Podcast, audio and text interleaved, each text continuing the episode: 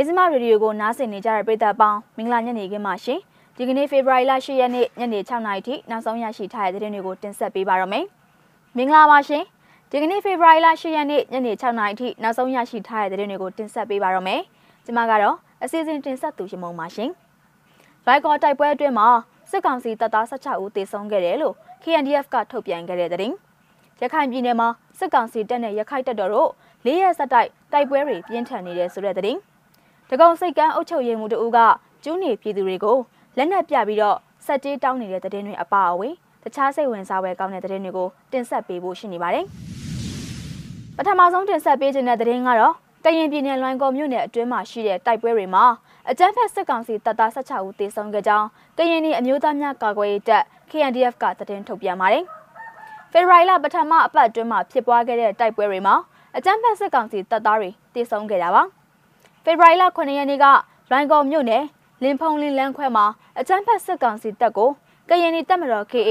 KNDF နဲ့ဖဲခုံ PDF တို့ကတိုက်ခိုက်ခဲ့ရမှာအကြမ်းဖက်စစ်ကောင်စီတပ်ဘက်က9ဦးသေဆုံးသွားကြောင်း KNDF ကဆိုပါတယ်။ဒါအပြင်ဖေဖော်ဝါရီလ4ရက်နေ့မှာရိုင်ကော်မြို့နယ်ထီကျွရတောင်ပေါ်မှာတပ်ဆွဲထားတဲ့စစ်ကောင်စီတပ်ကို KA နဲ့ KNDF ပူးပေါင်းတပ်ဖွဲ့တွေကတိုက်ခိုက်ခဲ့ရမှာ မိနစ်60ခန့်ကြာတိုက်ပွဲဖြစ်ပွားခဲ့တာဖြစ်ပြီးတော့စစ်ကောင်စီတပ်ဘက်က9ဦးသေဆုံးကအများပြားထိခိုက်ဒဏ်ရာရရှိခဲ့တာပါအခုလိုထိတွေ့တိုက်ပွဲတွေအတွင်းမှာကရင်နီပူပေါင်းတပ်ဘက်ကရဲဘော်တချို့ဟာအသေးစားထိခိုက်ဒဏ်ရာရရှိမှုတွေရှိခဲ့ပေမဲ့ကြီးကြီးမားမားထိခိုက်မှုတွေမရှိဘူးလို့ KNDF ကထုတ်ပြန်ပါတယ်။ဒါ့အပြင်ကရင်နီပြည်နယ်အတွင်းမှာလှုပ်ရှားနေတဲ့တော်လှန်ရေးတပ်ဖွဲ့ဖြစ်တဲ့ကရင်နီဒီမိုကရက်တစ်တပ်ဦး KDF ရဲ့ပြန်ကြားရေးတာဝန်ရှိသူတို့ကလည်းဖေဖော်ဝါရီလ10ရက်နေ့မနက်အစောပိုင်းမှာတိုက်ပွဲတွေဖြစ်နေကြောင်းပြောကြားခဲ့တာပါ။ စစ်တပ်ကအာဏာသိမ်းပြီးဖေဖော်ဝါရီလ1ရက်နေ့ကနေစတင်ကဒီကနေ့ဇန်နဝါရီလ31ရက်နေ့အထိကရင်ပြည်နယ်မှာတိုက်ပွဲပေါင်း156ကြိမ်ဖြစ်ပွားခဲ့တာဖြစ်ပြီးတော့အကြမ်းဖက်စစ်ကောင်စီတပ်သားဥယျာဉ်600ကျော်သေဆုံးခဲ့ရတယ်လို့တိုးတက်သောကရင်လူငယ်များအဖွဲ့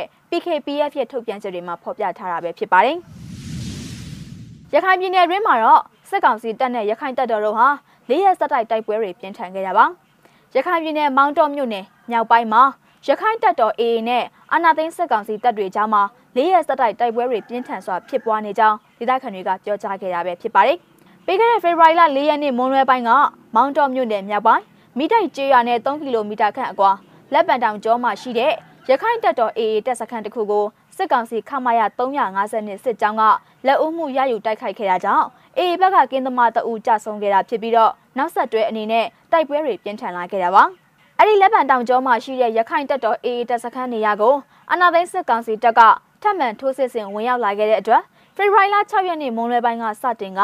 3နာရီနီးပါးကြာနှစ်ဖက်တိုက်ပွဲတွေဖြစ်ပွားခဲ့တာဖြစ်ပြီးတော့စစ်ကောင်စီတပ်ဘက်ကလက်နက်ကြီးတွေနဲ့ပစ်ခတ်ခဲ့ကြောင်းဒေသခံတွေကပြောကြားခဲ့ပါတယ်။မနေ့ကဖေဖော်ဝါရီလ9ရက်နေ့ည7:00နာရီကျော်အချိန်ကလည်းမောင်တော်မြို့ကြီးကမ်းပြင်နယ်ခြားဆောင်ဌာနချုပ်အနီးမှာရှိတဲ့ဖားဝက်ချောင်ကျေးရွာအနီးမှာရခိုင်တပ်တော် AA နဲ့စစ်ကောင်စီတပ်တွေကြား မိနစ်30နီးပါးကြာလက်နက်ငယ်တွေနဲ့ပြစ်ခတ်မှုဖြစ်ပွားခဲ့ကြောင်းတိုက်ပွဲဖြစ်ပွားရာနေရာအနီးမှာရှိတဲ့ကြေးရွာကအုပ်ချုပ်ရေးမှူးတို့ကမျက်စိမှောက်ကိုပြောကြားခဲ့တာပဲဖြစ်ပါတယ်။အာနာသိန်းစစ်ကောင်စီတပ်ဖွဲ့ဝင်တွေစီးနင်းလာတဲ့အရက်သားပိုင်တစ်တင်ကားတစ်စီးကိုကြီးကန်းပြင်နယ်ချဆောင်ဌာနချုပ်အနီးမှာအေအေကမိုင်းဆွဲတိုက်ခိုက်ခဲ့တာဖြစ်ပြီးတော့တစ်ကားမီးလောင်သွားကဒေသခံအမျိုးသမီးတဦးနဲ့ရင်မောင်းတဦးတေဆုံးသွားခဲ့ကြောင်းဒေသခံတွေကဆက်လက်ပြောကြားခဲ့ရပါလက်ရှိမောင်းတော်မြို့နယ်မှာဖြစ်ပွားနေတဲ့တိုက်ပွဲတွေဟာရခိုင်ပြည်နယ်မှာရှိတဲ့တခြားမြို့နယ်တွေကို တဖန်ကူးဆက်ကျယ်ပြန့်လာပွဲရှိကြောင်းရခိုင်နိုင်ငံရေးလေးလာသုံးသက်သူတွေကသုံးသပ်ထားကြတာပဲဖြစ်ပါတယ်။လက်တလောစစ်ရေးအခြေအနေအရတိုက်ပွဲကျယ်ပြန့်လာနိုင်တာဖြစ်ပြီးတော့စစ်ပေးရှောင်တွေဟာလည်းထပ်တိုးလာနိုင်တဲ့ကဲ့သို့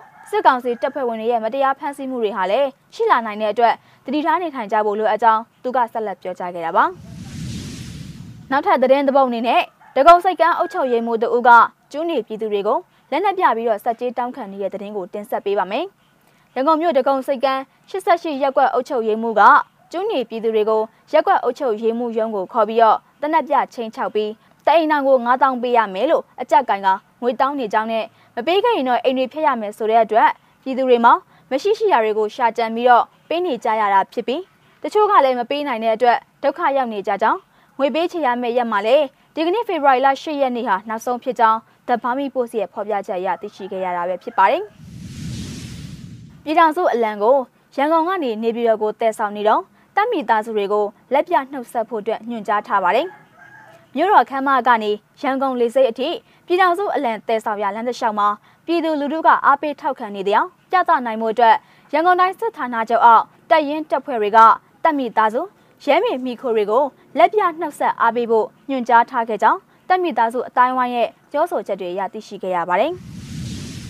ဖေဖော်ဝါရီလ10ရက်နေ့ညနေ6နာရီထိနောက်ဆုံးရရှိထားတဲ့သတင်းတွေကိုရစမရေဒီယိုကနေထုတ်လွှင့်တင်ဆက်ပေးခဲ့တာပါ။နားဆင်ပေးခဲ့တဲ့အတွက်ကျေးဇူးတင်ပါတယ်ရှင်။